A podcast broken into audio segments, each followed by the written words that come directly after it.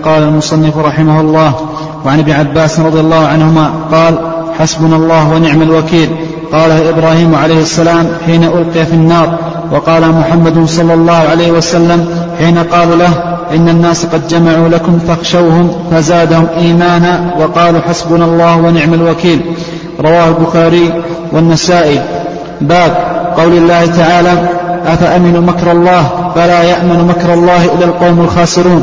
وقوله ومن يقنط من رحمة ربه إلا الضالون وعن ابن عباس رضي الله عنهما أن رسول الله صلى الله عليه وسلم سئل عن الكبائر فقال الشرك بالله واليأس من روح الله والأمن من مكر الله وعن ابن مسعود قال أكبر الكبائر الإشراك بالله والأمن من مكر الله والقنوط من رحمة الله واليأس من روح الله رواه عبد الرزاق بسم الله الرحمن الرحيم الحمد لله رب العالمين والصلاة والسلام على نبينا محمد وعلى آله وصحبه أجمعين تقدم لنا ما يتعلق بالتوكل وذكرنا تعريف التوكل ومناسبة هذا الباب لما قبله ومناسبته لكتاب التوحيد وأيضا تقدم لنا شيء من الأدلة المتعلقة بالتوكل قال وقوله ومن يتوكل على الله فهو حسبه. من شرطية؟ قول فهو حسبه الفاء واقعة في جواب الشرط. وتقدم لنا تعريف التوكل وأنه الاعتماد على الله عز وجل في جلب النفع ودفع الضر مع فعل الأسباب. وقوله فهو حسبه يعني كافيه أنه سبحانه وتعالى كافيه وفي هذا دليل لما ترجم له المؤلف رحمه الله تعالى وأن المسلم يتوكل على الله عز وجل دون ما سواه لأنه إذا كان الله سبحانه وتعالى هو الذي سيكفيك كل أمورك وجميع ما أهمك فإنه يتوكل عليه وحده دون ما سواه. قال في هذا وجوب التوكل عليه سبحانه. قال وعن ابن عباس رضي الله عنهما قال حسبنا الله ونعم, ونعم الوكيل. حسبنا يعني كافينا. الله ونعم الوكيل. نعم الوكيل أيضا تقدم لنا ما نعم آه.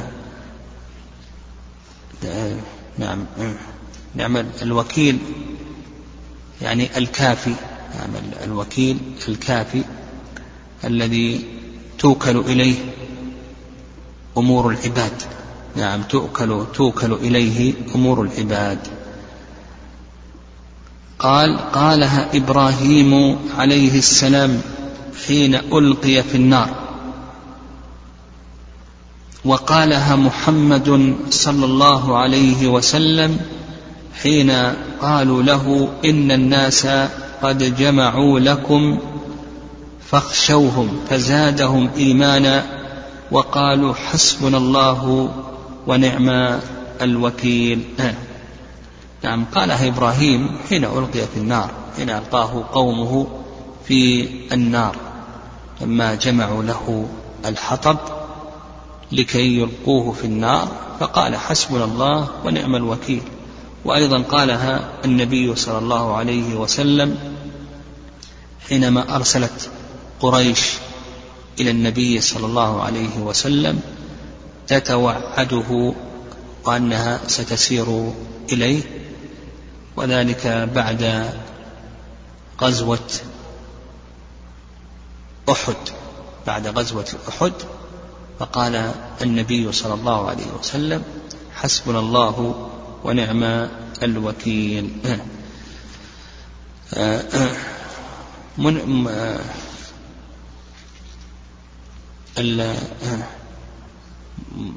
الشاهد من هذا الحديث لما ترجم له المؤلف رحمه الله أن المتوكل عليه وحده دون ما سواه والذي يجب أن تفوض إليه جميع أمور العباد هو الله سبحانه وتعالى لأنه سبحانه وتعالى هو الكافي. نعم هو الكافي. ومن وجه آخر هذا من وجه. ومن وجه آخر أن الله سبحانه وتعالى أن قول ابن عباس رضي الله تعالى عنهما حسبنا الله ونعم الوكيل أن إبراهيم عليه الصلاة والسلام قالها وأن محمدا صلى الله عليه وسلم قالها. تقدم لنا آه، آه، أنه إذا أثني على أحد بخير في القرآن أو في السنة فإنه يطلب منا محبته واتباعه. والأنبياء عليهم الصلاة والسلام قالوا هذه الكلمة العظيمة الذين قالهم الناس إن الناس قد جمعوا لكم فاخشوهم وقالوا حسبنا الله ونعم الوكيل الله عز وجل أثنى عليهم بهذا الذكر.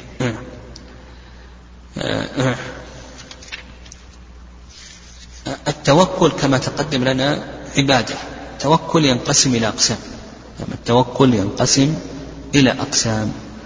القسم الأول التوكل العباد التعبدي. التوكل التعبدي. وهذا من أجل العبادات وأفضل القربات. كما تقدم لنا أن التوكل من العبادات القلبية. فيجب أن يكون لله عز وجل دون ما سواه. القسم الثاني التوكل الذي يكون شركا أكبر. نعم التوكل الذي يكون شركا أكبر. وهذا له صورتان. الصورة الأولى التوكل على الأموات والأضرحة والأس والأصنام. التوكل على الأموات والأضرحة والأصنام في جلب النفع ودفع الضر إلى آخره. نقول بأن هذا شرك أكبر مخرج من الملة لوجود تسوية غير الله بالله. الصورة الثانية أن يتوكل على المخلوق في أمر لا يقدر عليه إلا الله عز وجل. أن يتوكل على المخلوق في أمر لا يقدر عليه إلا الله عز وجل. يتوكل على الحي في أمر لا يقدر عليه إلا الله عز وجل كما لو توكل على الحي في هبة الولد ونحو ذلك فنقول بأن هذا شرك أكبر. فأصبح عندنا الشرك الأكبر له صورتان. الصورة الأولى نعم الصورة الأولى أن يتوكل على ماذا؟ الأموات والأضرحة والأصنام. هذا شرك أكبر. الصورة الثانية أن يتوكل على المخلوق الحي في أمر لا يقدر عليه إلا الله عز وجل. كهبة الولد وإجراء السحاب وإنزال المطر ونحو ذلك فنقول بأن هذا شرك أكبر مخرج من الملة. القسم الثالث التوكل الذي يكون شركا أصغر وهو أن يتوكل على المخلوق فيما يقدر عليه. تتوكل على المخلوق فيما يقدر عليه المخلوق نقول بأن هذا شرك أصغر. نعم عند نقول بأن هذا شرك أصغر. فمثلا يتوكل على الطبيب فيما يقدر عليه من العلاج. هذا شرك أصغر. يتوكل على صاحب الرزق فيما عنده من العطاء. نقول بأن هذا شرك أصغر. لأن التوكل عبادة. لا يجوز أن تصرف لغير الله عز وجل مطلقا. ومعنى ذلك أن يعتمد القلب. من يعتمد القلب على هذا المخلوق. وينسى المسبب الذي هو الله سبحانه وتعالى. ينسى المسبب الذي هو الله عز وجل فنقول بأن هذا نقول بأنه شرك أكبر نعم شرك أكبر آه. أصغر نعم نقول بأن هذا شرك أصغر آه. قال رحمه الله تعالى باب قوله قول الله تعالى أفأمنوا مكر الله فلا يأمن مكر الله إلا القوم الخاسرون نعم آه. الأمن مناسبة هذا الباب نعم مناسبة هذا الباب لكتاب التوحيد. أن الأمن من مكر الله عز وجل هذا فيه سوء ظن بالله عز وجل. نعم الأمن من مكر الله عز وجل نقول هذا فيه سوء ظن بالله عز وجل. كذلك أيضا القنوط من رحمة الله عز وجل فيه سوء ظن بالله عز وجل وهذا ينافي التوحيد نعم هذا ينافي التوحيد آه. ما دام أنه ينافي التوحيد نعم آه. الواجب عدم القنوط من رحمة الله وأيضا عدم الأمن من مكر الله نعم فناسب أن يأتي به المؤلف رحمه الله تعالى. قال أفأمنوا مكر الله نعم مكر الله عز وجل هو استدراجه سبحانه وتعالى عبده بالنعم إذا عصى حتى يأخذه أخذ عزيز مقتدر أن الله سبحانه وتعالى يستدرج عبده بالنعم وهو مقيم على المعصية حتى يأخذه أخذ عزيز حتى يأخذه أخذ عزيز مقتدر. يعني حتى يأخذه أخذ عزيز مقتدر.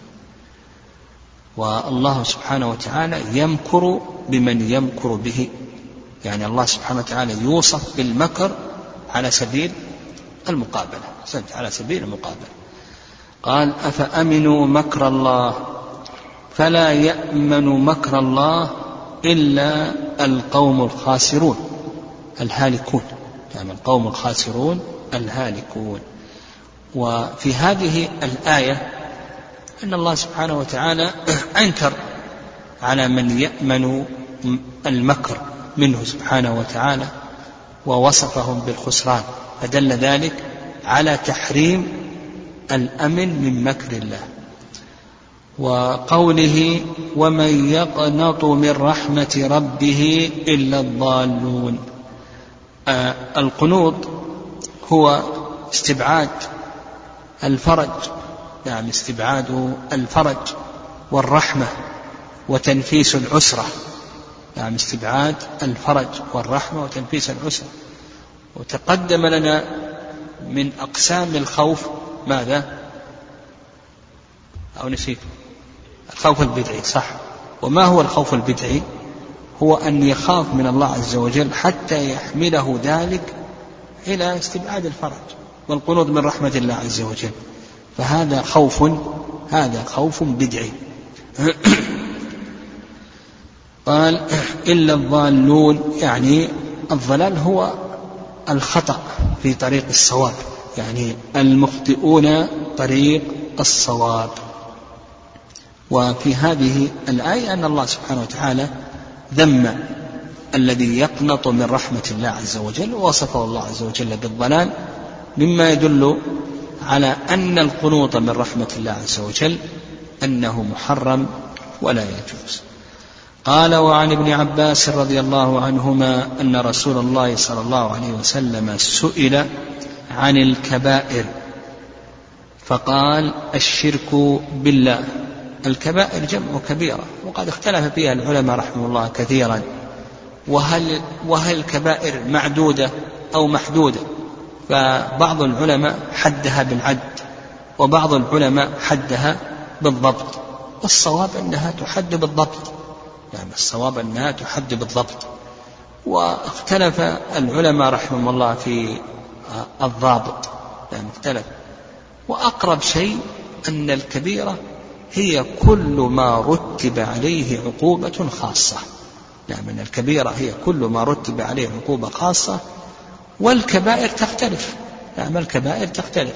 منها ما ما هو أكبر الكبائر ومنها ما دون ذلك إلى آخره. المهم أنها تختلف. قال الإشراك بالله. تقدم تعريف الإشراك الشرك وأن الشرك تسوية غير الله بالله فيما هو من خصائص الله. قال واليأس من روح الله. يعني قطع الرجاء والأمل من روح الله من رحمة الله. تقطع اليأس والأمل من رحمة الله عز وجل. قال والأمن من مكر الله تقدم. والشاهد من هذا قوله اليأس من رحمة الله والأمن من مكر الله وتقدم الكلام على ذلك. قال وعن ابن مسعود قال أكبر الكبائر الإشراك بالله والأمن من مكر الله والقنوط من رحمة الله واليأس من روح الله. رواه عبد الرزاق. نعم أكبر الكبائر. نعم هذا أيضا فيه دليل على أن نعم أن الكبائر تختلف. نعم أنها تختلف. وأن أكبرها الإشراك بالله. تقدم والأمن من مكر الله أيضا تقدم والقنوط من رحمة الله أيضا تقدم واليأس من روح الله عز وجل أيضا تقدم رواه الرزاق